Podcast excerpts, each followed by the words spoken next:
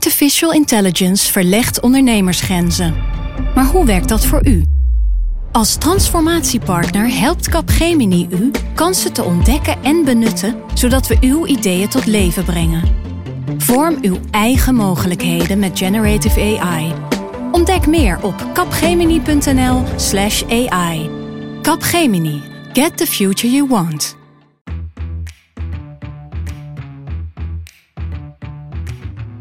Dit is Haagse Zaken. Mijn naam is Lemja Aharoy. Dijssel Oen, Dijssel Boerde, Dijssel Blooper en Dijssel Blowing It. We komen langzamerhand aan het eind van het jaar terecht. Volgende week kijk ik met de Haagse redactie terug van NRC op wat we, nou denk ik wel, een bewogen politiek jaar kunnen noemen. En vandaag maken we daar vast een klein beginnetje mee met dat terugkijken dan. Eigenlijk wilde hij dierenarts worden. Maar sinds 2000 zit Jeroen Dijsselbloem als politicus in de Tweede Kamer. Tien jaar later, in 2012, krijgt hij de belangrijke baan van minister van Financiën. We geven meer geld uit in winkels, we verkopen meer producten in het buitenland. En we besteden ook weer meer aan grote nieuwe dingen. Vindt u dat alle kinderen in Nederland zakgeld zouden moeten krijgen? Uh, ja, de helft daarvan moet je sparen. Want dan leer je meteen dat sparen heel belangrijk is. En dan krijg je rente en dat groeit dan aan. En dan kun je op een gegeven moment echt iets moois kopen. Heeft u dat vroeger als kind ook gedaan? Ja, ik heb jaren gespaard voor een racefiets. Oh. Een knalrode racefiets. Jeroen Dijsselbloem. Die stopt als politicus voor de PvdA. Is dit nu echt uw laatste begroting? Ja, wie het weet mag het zeggen. Maar de, het gerucht schijnt zo. Dat is opmerkelijk, want Dijsselbloem haalde bij de vorige verkiezingen maar liefst 51.695 voorkeurstemmen. Hey, hoe kijkt u erop terug? Vond u het eigenlijk leuk? Politiek is heel leuk, ja. De uit de klauwen gegroeide bankensector kreeg, ook vergeleken met die van onze buurlanden, een harde klap.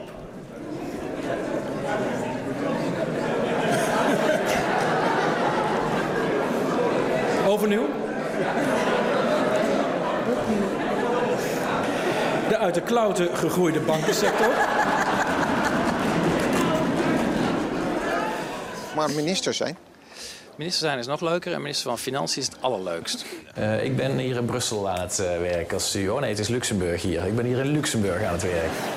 Ja, anders ook ben je ook het populairst, hè, geloof ik, door alle jaren heen. Dus ook wel het makkelijkst. Het is, is de makkelijkste baan. Uh, ministers van Financiën zijn ook altijd populair in Nederland. Dus dat gaat de heer Hoekstra ook overkomen. Marieke Stellinga en Filip de Wit-Wijnen. We gaan het hebben over uh, Dijsselbloem, maar waar gaan we het over hebben? Ja, over twee aspecten van Jeroen Dijsselbloem die hij de afgelopen vijf jaar heeft vervuld. Twee functies. Uh, minister van Financiën en Eurogroepvoorzitter. Een uh, machtig beslisorgaan in Europa waar de ministers van Financiën van de landen met de euro in zitten. En die heel veel beslissingen voorkoken op financieel en economisch gebied.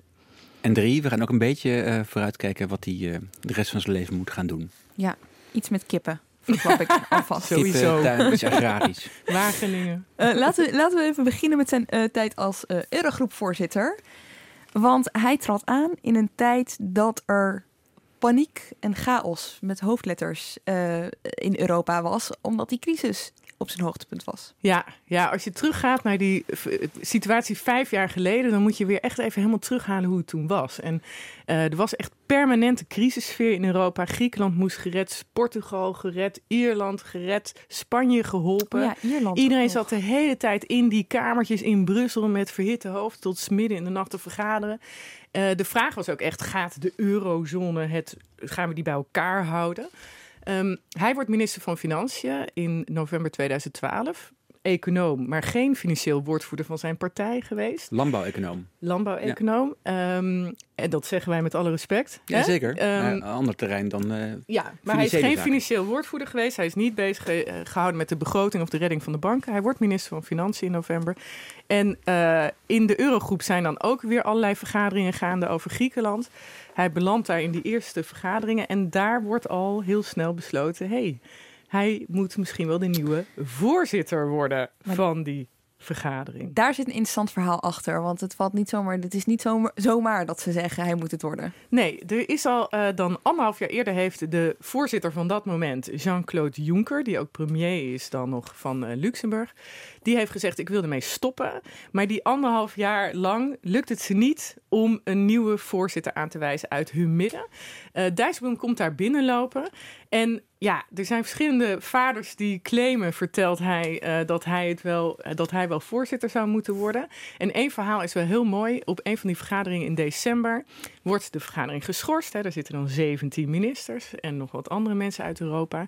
En er verdwijnen een aantal mensen, belangrijke spelers. Duitse minister van Financiën, Franse minister van Financiën, baas van de Europese Centrale Bank. Die verdwijnen in een kamertje. En Jeroen Dijsselbloem zegt tegen zijn Nederlandse ambtenaar die mee is... Goh, wat, wat gaan die daar doen? Ja, die gaan daar verder overleggen, zodat ze met een kleine groepje een deal kunnen maken. Oh, mag ik daar ook naar binnen? Nou, probeer het. En hij gaat daar naar binnen. Hij uh, staat daar naar eigen zeggen anderhalf uur tegen de muur aangeleund, omdat het een heel klein kamertje was en geen stoel. Uh, hij gaat mee onderhandelen, meedoen met die deal. Uh, en als hij dan terugkomt, zijn zijn collega's die daar uren hebben zitten wachten en de krant hebben zitten lezen, heel chagrijnig dat hij dat gedaan heeft.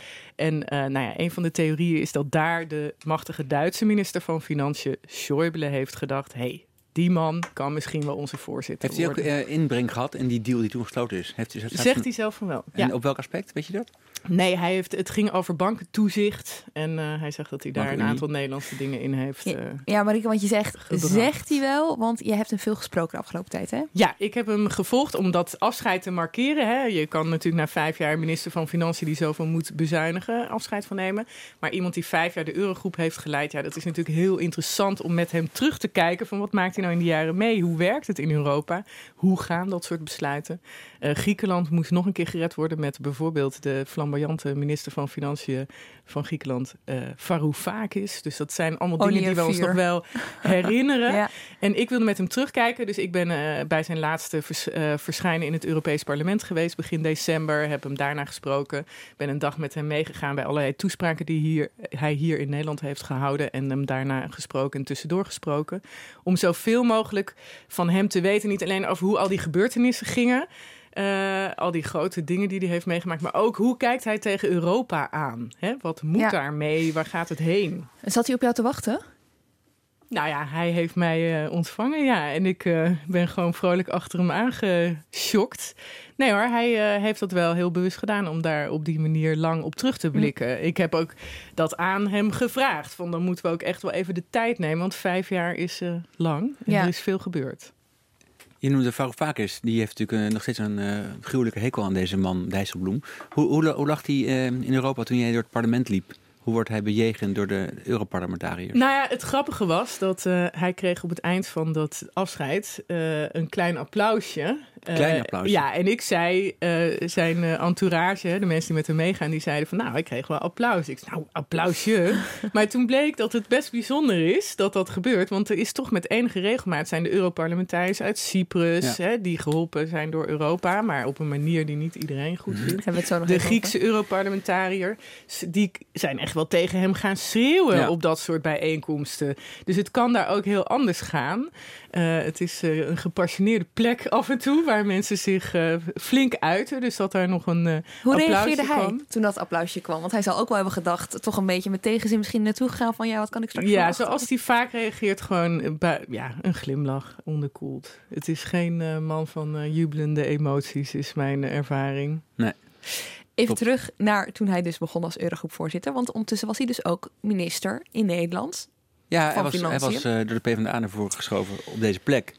En dat was een belangrijke plek, want er, moest, uh, er was diepe crisis nog in Nederland. En hij moest dat uh, financieel uh, gesproken oplossen. De overheidsfinanciën moesten op orde. Dat was eigenlijk taak 1 van het kabinet Rutte 2. En hij had er niet zoveel verstand van. Dat was spannend. En op, op zijn eerste werkdag, ik denk na de, na de bordesscène en de foto's en de overdracht met zijn voorganger, de jager, kwam zijn ambtenaar, zijn, zijn hoogste ambtenaar kwam naar hem toe en legde een dossier op zijn bureau en er stond op SNS Reaal. Nou, daar had hij, niet, uh, had hij niet heel erg veel van gehoord, denk ik.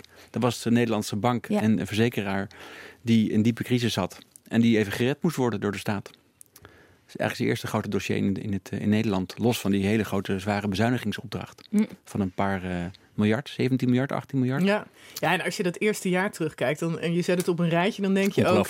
Hè, november treed je aan, dan krijg je SNS op je bord. Januari ben je Eurogroepvoorzitter. Februari heeft, die, hebben, heeft de Nederlandse staat SNS Ja, gered. 1 februari. Eh, in maart moet Cyprus worden gered door de Eurogroep of geholpen.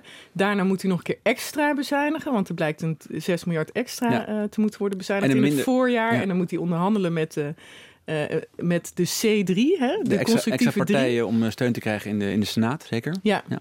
Dus het is een jaar waarvan je denkt, nou nou, hallo. En er waren toch ook wel momenten vooral aan het begin dat er een beetje getwijfeld werd van, joh, is dat wel handig om die twee banen naast elkaar te hebben? Ja, kan dat wel samengaan? Dan kost het niet te veel tijd. Eh, hij zegt daar zelf over, ja, het, wa het, was, het waren krankzinnige uren in dat eerste jaar. Eh, ook omdat het allemaal, alles gebeurde in die tijd. Weet je, door zo'n verhaal ga je er ook weer even naar terugkijken. Ja. Onder zo'n hoge druk. En er was ook echt een paniekerige sfeer, ook op de financiële markten. En dat merk je bijvoorbeeld ook eh, bij de hulp aan Cyprus.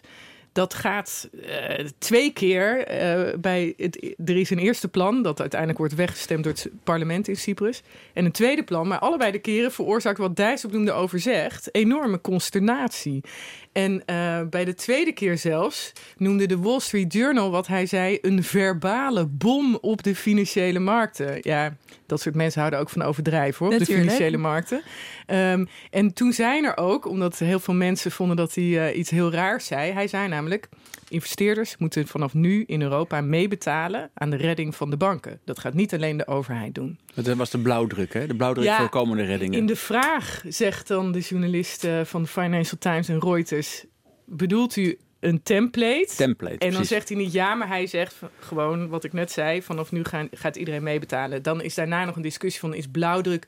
hè, Wat betekent blauwdruk? Gaat het helemaal letterlijk zoals in Cyprus? Maar hij zegt nu nog steeds, ja, zijn punt was... investeerders gaan vanaf nu Ja. meebetalen. En dat veroorzaakte gedoe op de markten. Ja, want tot dan was dat niet gebeurd. En daar staat hij nog steeds helemaal achter. Want dat is ook uiteindelijk het beleid geworden in Europa. En niet alleen Maar hij de werd, bij, hij overheid werd er bijna het. door, door, door, door, eh, eh, tot aftreden gedwongen, zo'n beetje. Want hij was, iedereen was laaiend op op hem. Nou ja, er was, eh, dat, ik denk niet dat het zover is gekomen. Maar wat wel leuk is uit die tijd nog... is dat alle varianten op zijn naam toen zijn verzonnen Oh ja. in de media. nou, Dus, noem maar een paar. Ja, ik noem er een paar. De Nederlandse is Dijssel-Oen. Eh, de Franse is Dijssel-Boerde. De, de Engelse zijn Dijssel-Blooper. En Dijssel-Blowing It. Die vond ik ook heel erg leuk. Maar even, hè, we- wacht, wij kunnen hier om lachen, maar stel je voor dat dit over jou gaat. En je slaat die kranten open of je zet de radio aan en het gaat over jou. Steeds maar weer in negatieve zin. Ja. Ik bedoel, kon dat, maar, kon dat zo makkelijk van hem afgeleiden allemaal? Of heeft het hem wat gedaan? Nou, hij eh, zei, zegt daar nu over van ja, ze vonden mij toen een geweldige amateur. Ik was het daar niet mee eens. Eh, en hij was toen en nu heel erg overtuigd van zijn zaak.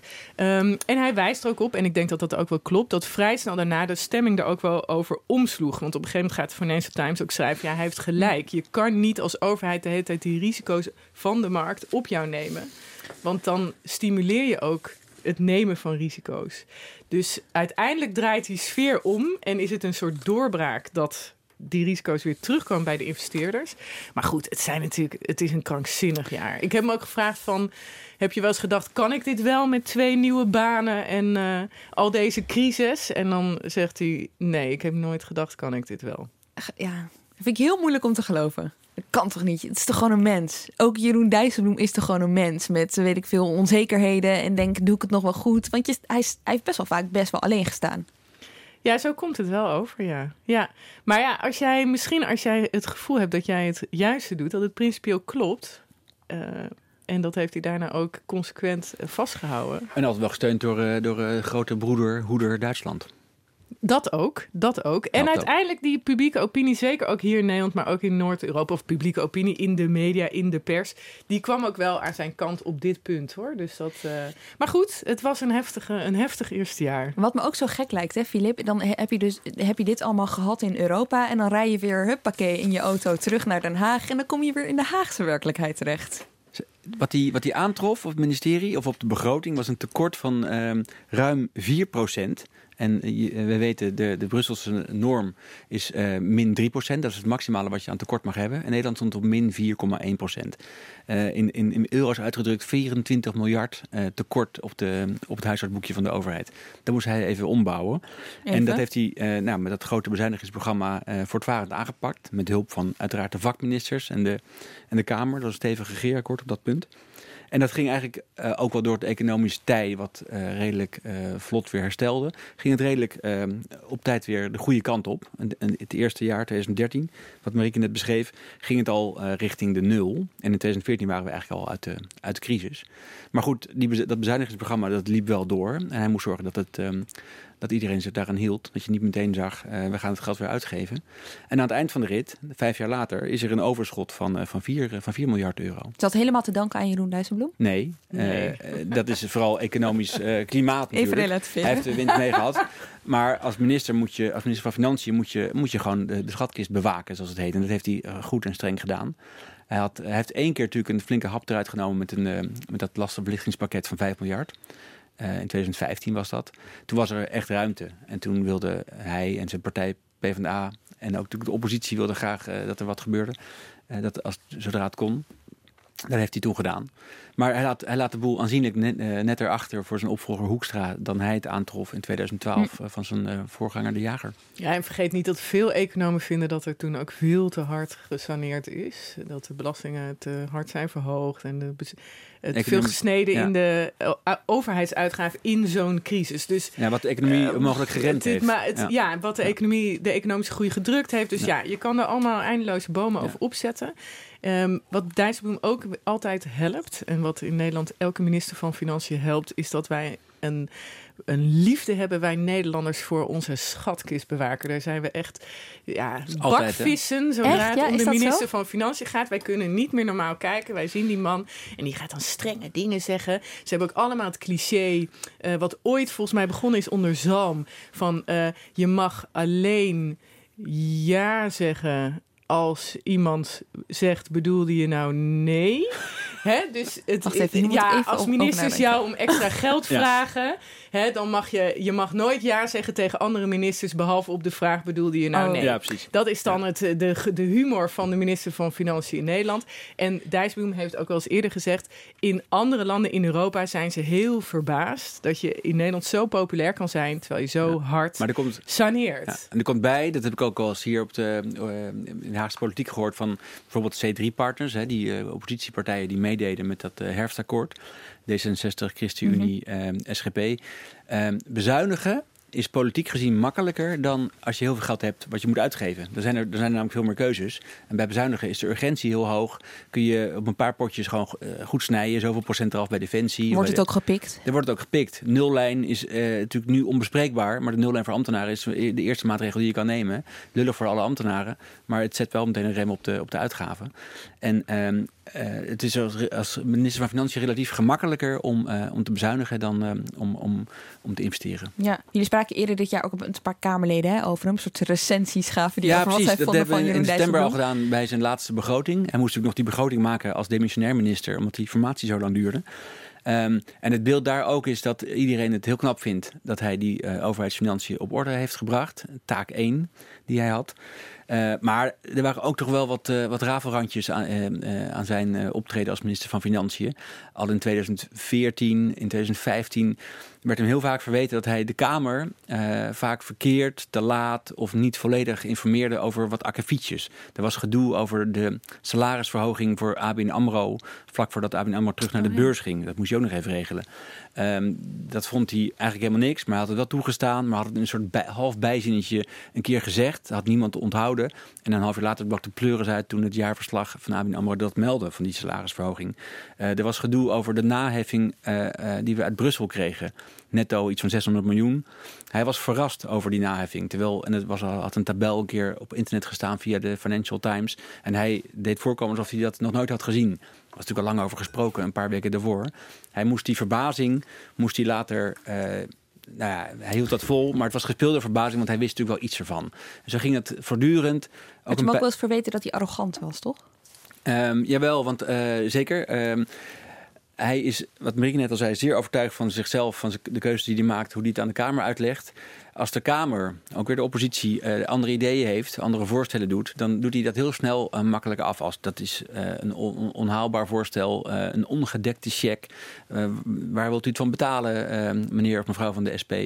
En de manier waarop hij dat dan doet, kortaf. Uh, met een uh, beetje een lacherig van uh, geen serieus voorstel. En dat werd hem wel vaak verweten, zeker het laatste jaar. Ja, en zeg maar, hij wist niet alleen in Nederland af en toe onhandig uit de hoek te komen. Dat deed hij ook in Europa. En dan is er natuurlijk één voorbeeld dat wij allen kennen. En dat is zijn uitspraak over... Snaps und vrouwen. Ja, ah. inderdaad. vertel Marieke, vertel het ons nog één keer. Ja, nou ja, als je het... hij zegt in een interview met een Duitse krant dit jaar... dat hij, de noordelijke landen zich solidair hebben getoond met de crisislanden. Dat hij als sociaaldemocraat voor solidariteit is. Maar als je die opeist, inroept, dat je daar dan ook iets voor moet terugdoen. Dat je ook plichten hebt. Uh, en je, dan zegt hij: je kan niet al je geld uitgeven aan drank en vrouwen en dan van mij vragen of van u. Ik, ik kan niet al mijn geld uitgeven aan drankvrouw en dan van u vragen om mij te helpen als het niet goed gaat. En dat is in uh, Zuid-Europa enorm hoog opgenomen. Daar ontstond meteen, uh, of nou ja, niet meteen, maar er stond na enige tijd enorme consternatie over. Van ja, zegt hij nou dat wij ons geld hier over de balk hebben zitten smijten? Just to read your statement concretely, one cannot spend all the money in drinks and women and then ask for help, talking about the Eurozone. That's your statement. Do you apologize for this? No, certainly not. And you don't have to read my statement because I know my statement. It came from this mouth, so you don't have to read it to me. Ja, hij reageert uh, in, in eerste instantie um, zeer afhoudend. Hij uh, heeft de uitspraak ook niet teruggenomen daarna, maar dan zegt hij wel: Ik betreur de ophef of zoiets. Hè. Dat is natuurlijk een uh, mooie formulering. Hij staat er ook nog steeds achter. Hij vindt het een heel wezenlijk onderdeel van uh, de Europese Unie, hè, waar eindigen de nationale verantwoordelijkheden en beginnen de Europese. Uh, hij vindt het ook een bedreiging voor de toekomst van de Europese Unie als je daar niet netjes mee omgaat, als je niet je eigen zaken op orde houdt als land. Um, en hij zegt: Ik bedoelde daarmee niet Zuid-Europa, ik bedoelde het als een algemene zegswijze. Maar goed, in Zuid-Europa ja. is dat uh, wel degelijk uh, zo opgevat. daar zijn zijn woorden ook wel zo neergezet af en toe dat je denkt, nou, zo zijn die nou ook. Ja, ja alsof het allemaal hoerenlopers waren of zo daar. Ja, ja. dat was een beetje ja. ver ging het. Ja. Maar, maar hij, heeft het, uh, hij heeft er geen uh, echt sorry voor gezegd. Heeft nee. hij ergens spijt van? Um, ja, hij heeft spijt van een opmerking over Juncker in uh, Knevel van de Brink, Jean-Claude Juncker. Ook over drank, hè? Ja, dat, uh, dan zegt hij uh, dat de Eurogroepvergadering wat Calvinistischer zijn geworden. Uh, en dan maakt hij een soort grapje. Ja, je kan het beter letterlijk horen, maar iets van Juncker is een verstokte roker en overigens ook een drinker.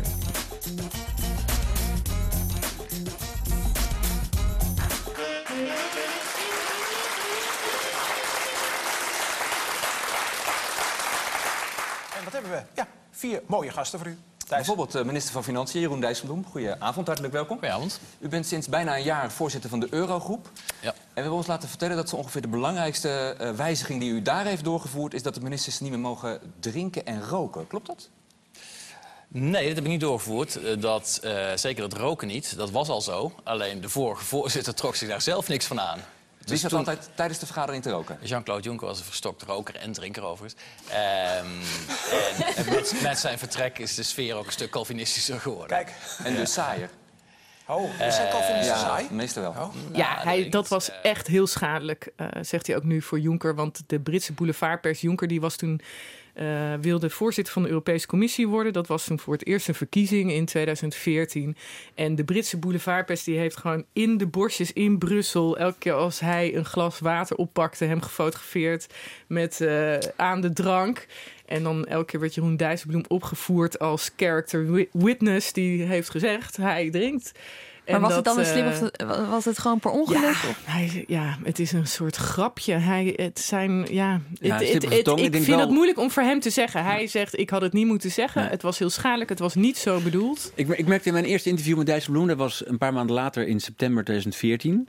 Uh, dit was januari toch, dat hij dat zei? Over, ja. Dus negen jaar maanden later, later, bij, ja, de, bij, negen de, bij, de, bij Prinsjesdag had ik met hem een interview. En toen wilde hij er eigenlijk ook niet aan herinnerd worden. Toen ik dat, die anekdote nog eens een keer ophaalde en hij erover vertelde.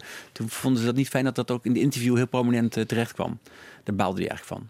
Ik dacht, ja, kom op, leg het nog even uit. En hij ging het wel toelichten, maar eh, het was een lastige Wordt je affaire. liever Ja, en het heeft hem dwars gezeten, want de Europese Commissie is daarna samengesteld door Jean-Claude Juncker, die daar de voorzitter van werd. En die Dijsselbloem was de Nederlandse kandidaat voor de commissie. En eh, het is Frans Timmermans geworden. En daar is toch wel een verband eh, tussen te leggen, volgens mij. Is dat wraak? Ehm, het zijn de feiten, als je die achter elkaar zet, kan je ze niet ontkennen. Ik denk dat het met elkaar te maken had. Ja. Oh, wauw. Heb je, heb je hem daar ook over gesproken? Ja. Heb je hem dat voorgelegd? Ja. En, ja. en wat zegt nou hij ja, dan? hij zegt, ja, we hebben het uitgepraat. En eh, ja, hij wilde lieve Frans Timmermans. En wie wil niet Frans Timmermans? Ja. Met alles in talen. Over talen gesproken, dat vond ik ook nog interessant. Dat hij dus eh, Franse kranten ging lezen. Nu hebben we het weer over Dijsselbloem. Om het Frans maar onder de knie te krijgen. Ja, ja dat ik vind dat ook heel grappig. Ehm, hij zegt voor een Nederlandse voorzitter is Duitsland die... Hè, daar heb je een soort natuurlijk eh, begrip voor. Streng en zuinig en regels en belangrijk. Spreekt hij Duits? Ehm, dat weet ik niet. Dat weet ik niet. Ik, ja. Maar Frans, voor de Fransen moet je toch ja, meer je best doen om die te begrijpen. Hè? Waar komen zij nou vandaan? Wat willen zij? Hoe zitten zij in die eurozone in de Europese Unie? Daar heeft hij veel tijd in gestoken, zegt hij. En hij is onder andere, om zonder tolk te kunnen spreken met zijn Franse collega, is hij Frans gaan leren. Eh, en zijn collega Sapin, een van zijn collega's eh, die hij heeft meegemaakt die- uit Frankrijk, die is Engels gaan leren. En zo konden ze uiteindelijk met elkaar spreken. Dan sprak Dijsselbloem Engels en Sapin sprak Frans. Maar ze konden elkaar wel verstaan. Hebben ze dan geen tolken erbij? Want over Nou dit ja, soort maar die ingewikkelde tolk, kwesties... die tolk hebben ze. Ja. En, maar hij zegt van ja, je kan elkaar toch beter dan begrijpen de finesses Ja. van wat je bedoelt als je niet met een tolk spreekt. En dat is natuurlijk Europa en dat maakt zo'n functie ook zo boeiend. Er zitten daar eh 19 ministers uit zoveel verschillende landen met een verschillende achtergrond. Van verschillende partijen zijn Ja. die ook. Die allemaal anders tegen Europa aankijken. eh, die allemaal andere talen spreken. En die moeten daar hele grote beslissingen nemen samen. En Ja. hij is daar het, De baas het van. baasje van. Die dat samen, die beslissingen moet uitkoken. En het is ook... eh, de eurogroep spreekt totdat ze het eens zijn. Dus alle beslissingen zijn unaniem. Dus als ze niet uitkomen, dan moeten ze doorpraten. Nou ja, en dat doet denken aan die ene vergadering over Griekenland toen die volgens mij toen echt drie dagen heeft geduurd, zo ongeveer, zodat Ja. ze eruit zouden komen met, Ja, met die dat deal. was ook met de regeringsleiders. Dat is in juli, dan is het heel erg hoog opgelopen. Hè, daar is in eh, januari 2015 wordt daar Syriza gekozen. Die zijn gekozen van- op een eh, verhaal van ja, die hulp uit Europa die is te hard. Die is dus de voorwaarden daarvoor zijn te streng. Dat moet anders. Daar treedt dan premier Tsipras aan en de minister van Financiën Varoufakis, een flamboyante man op een motor eh, met een leren die echt alleen enorme betoog houdt over dat het allemaal niet klopt, die eh, hulp aan Griekenland. Waar overigens veel economen ook het best met hem eens waren. Met Varoufakis. Met Varoufakis, ja. En ja, dat, dat daar ontstaat een soort beeld van een, een duel tussen Dijsselbloem en Varoufakis. En dat duurt een half jaar. Eh, het gaat ook steeds slechter, eh, die samen, ja, de, de, de, de, de, de, het overleg tussen Griekenland en de Eurogroep. En uiteindelijk in juli moet dat dan, komt dat tot een hoogtepunt. En dan doet de Eurogroep het voorwerk, de minister van Financiën. Maar uiteindelijk moeten de regeringsleiders, Merkel en Tsipras, die moeten, en Tusk, de president van Europa, er echt aan te pas komen om Griekenland in die eurozone te houden. En dat gaat eh, Ja. nog bijna mis. Maar dat beeld van die twee die elkaar echt absoluut niet mogen. Ik bedoel, dat versterkte ze zelf ook wel een beetje, hè? Ja, ja. Bijvoorbeeld, eh, d- er is die persconferentie dat... ja, dat, nee, daar dat, kijkt Dijsselbloem heel zuur. Dat ze elkaar die hand En, eh, geven. Ja, Ja, daar, eh eh, Dijsselbloem reist dan af naar Athene, vijf dagen na de verkiezingen. wat al bijzonder is. Ja, eh, nou ja, d- ook weer niet, want hij heeft heel veel afgereisd, zegt hij ook. Al die landen, Italië, weet je wel, hij gaat daarheen. Hij wil. Maar na een eurogroep verkiezing samen- komt er iemand naar jou toe. En hij denkt van ja, eh, zij zijn verkozen en ook al is hun retoriek agressief, ik ga daarheen, want we moeten toch gaan samenwerken. En dan op die persconferentie ontsteekt eh Varoufakis in een betoog eh, dat toch een beetje anti-EU is. En eh, Dijsselbloem hoort dat vertraagd op zijn vertalings. Want het Grieks had hij nog niet geleerd. En ja, uit zijn gezicht erbij spreekt boekdelen. En dan geeft ze elkaar een hand en dat is ook vrij ijzig. Ja.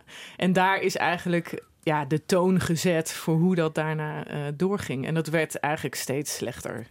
Eh, en Dijsselbloem zegt ook van ja, ik was het niet alleen. Hè. Er waren allerlei ministers van Financiën in die eurogroep die dachten van... Oh, die man. En kregen stoom uit de oren Ja. als eh, hij weer een betoog afstak. Maar in zijn boek, want ik begreep dat Dijsselbloem het boek van Varoufakis zelf ook nog wel even heeft doorgebladerd. Ja, hij heeft gekeken naar de gebeurtenissen en hoe hij die beschrijft. En eh, zijn samenvatting is: iedereen heeft recht op zijn eigen werkelijkheid. Ja. Dus ja, hij heeft een andere lezing van, eh, van ontmoetingen, gebeurtenissen, wat er wel niet gezegd is, wat er wel niet bedoeld is. Ja, duidelijk is dat hier twee werelden botsten. Ja. En ook dus nu twee eh, eh, verhalen over hoe het gegaan is. Zou, zou Dijsselbloem vrolijk op vakantie naar Griekenland kunnen? Als hij straks... eh, Ik heb geen idee hoe Werkloos is. bekend hij is in Griekenland. voor mij is hij vrij bekend. Niet, En, in ieder nee, ik denk dat hij in wat grotere steden dat hij wel herkend wordt. Nou ja, hij is nog in september eh, naar Griekenland geweest. Hij eh, heeft vakantie? daar.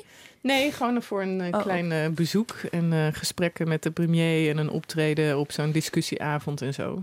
Ik heb daar niet zo gehoord Nee. dat hij daar eh, geschonden uit is Hey, gekomen. maar hij is nu dus gestopt. En als het aan hem had gele- gelegen, was Ja. hij nog wel wat langer gebleven, ja, toch? dat was wel een fascinerend... En andere ministers vonden hem ook oké om te houden, toch? Ja, nou ja, hij heeft dus kennelijk iets goeds gedaan, kunnen we toch wel concluderen. Ehm, Duitsland heeft geen regering.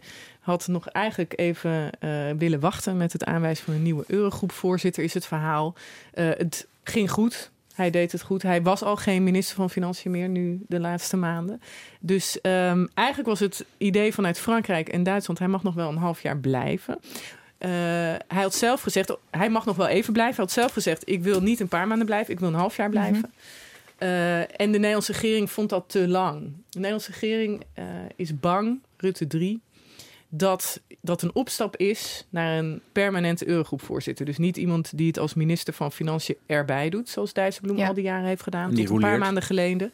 Maar echt een permanente eurocraat, Brusselse bureaucraat, hoe je dat het ook wil wil noemen. Nederland niet. Eh, die dat erbij gaat doen. En eh, daar zijn ze niet voor. En Dijsselbloem zegt, ja, daar was ik zelf ook nooit voor. Dus ik eh, begrijp dat.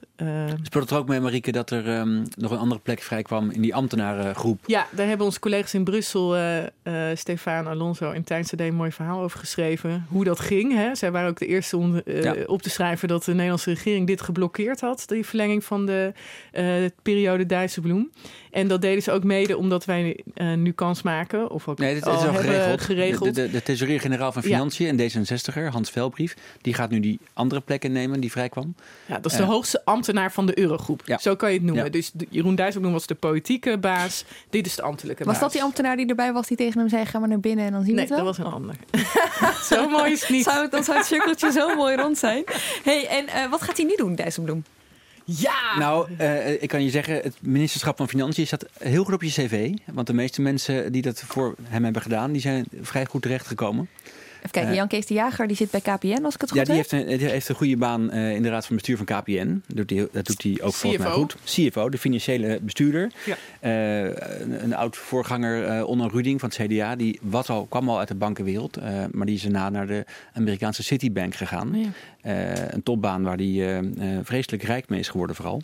Eh, Wim Kok, die werd na zijn minister van schap van Financiën minister-president.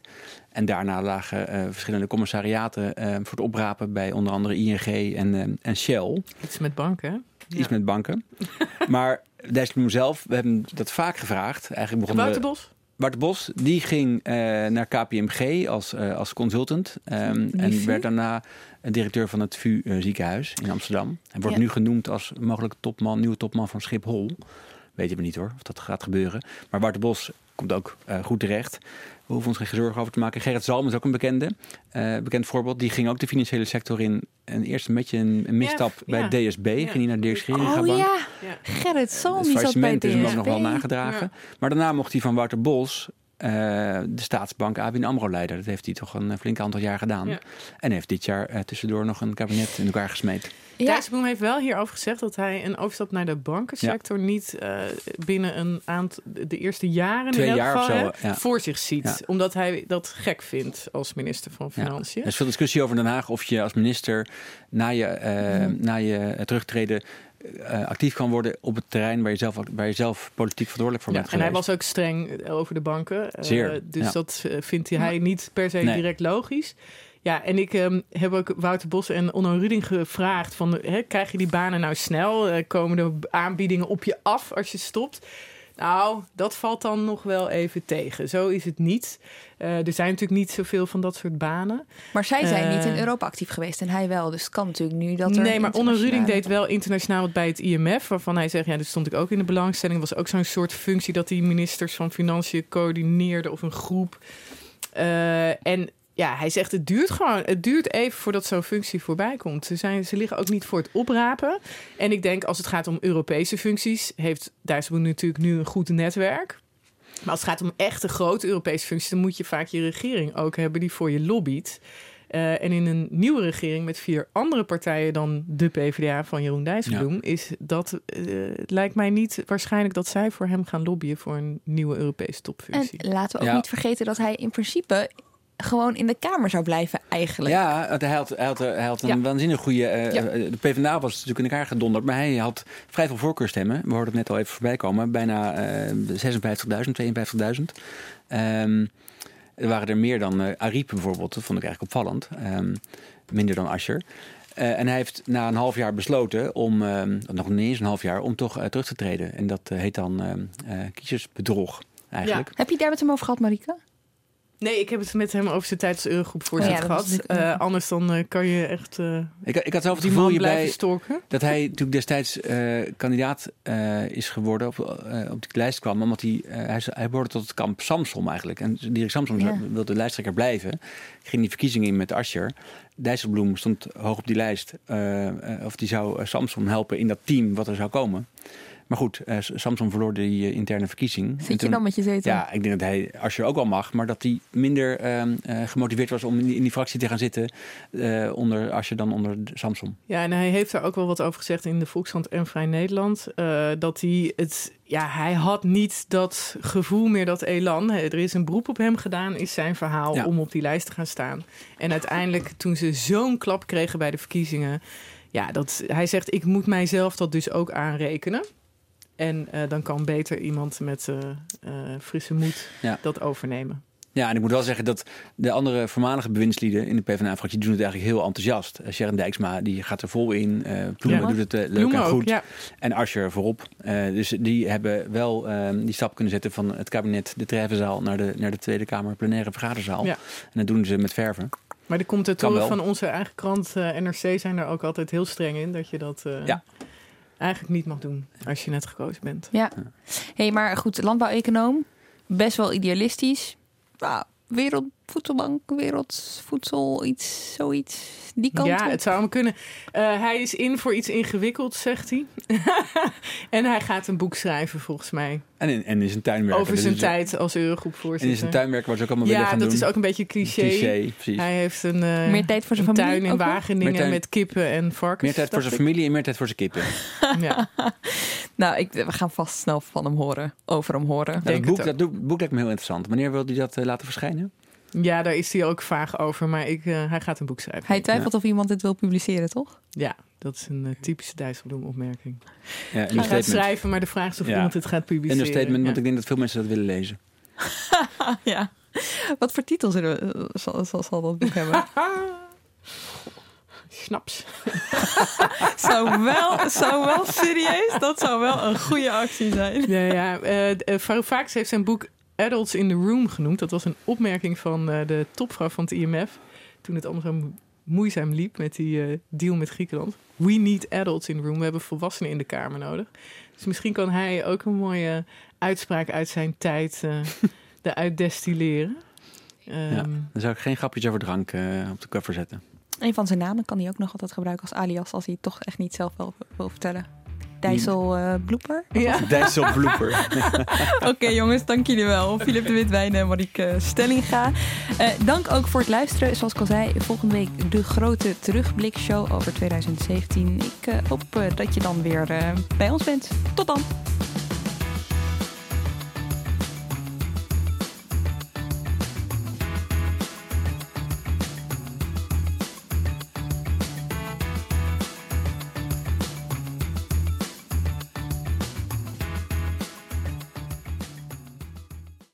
Weet ik eigenlijk van die nieuwe leverancier?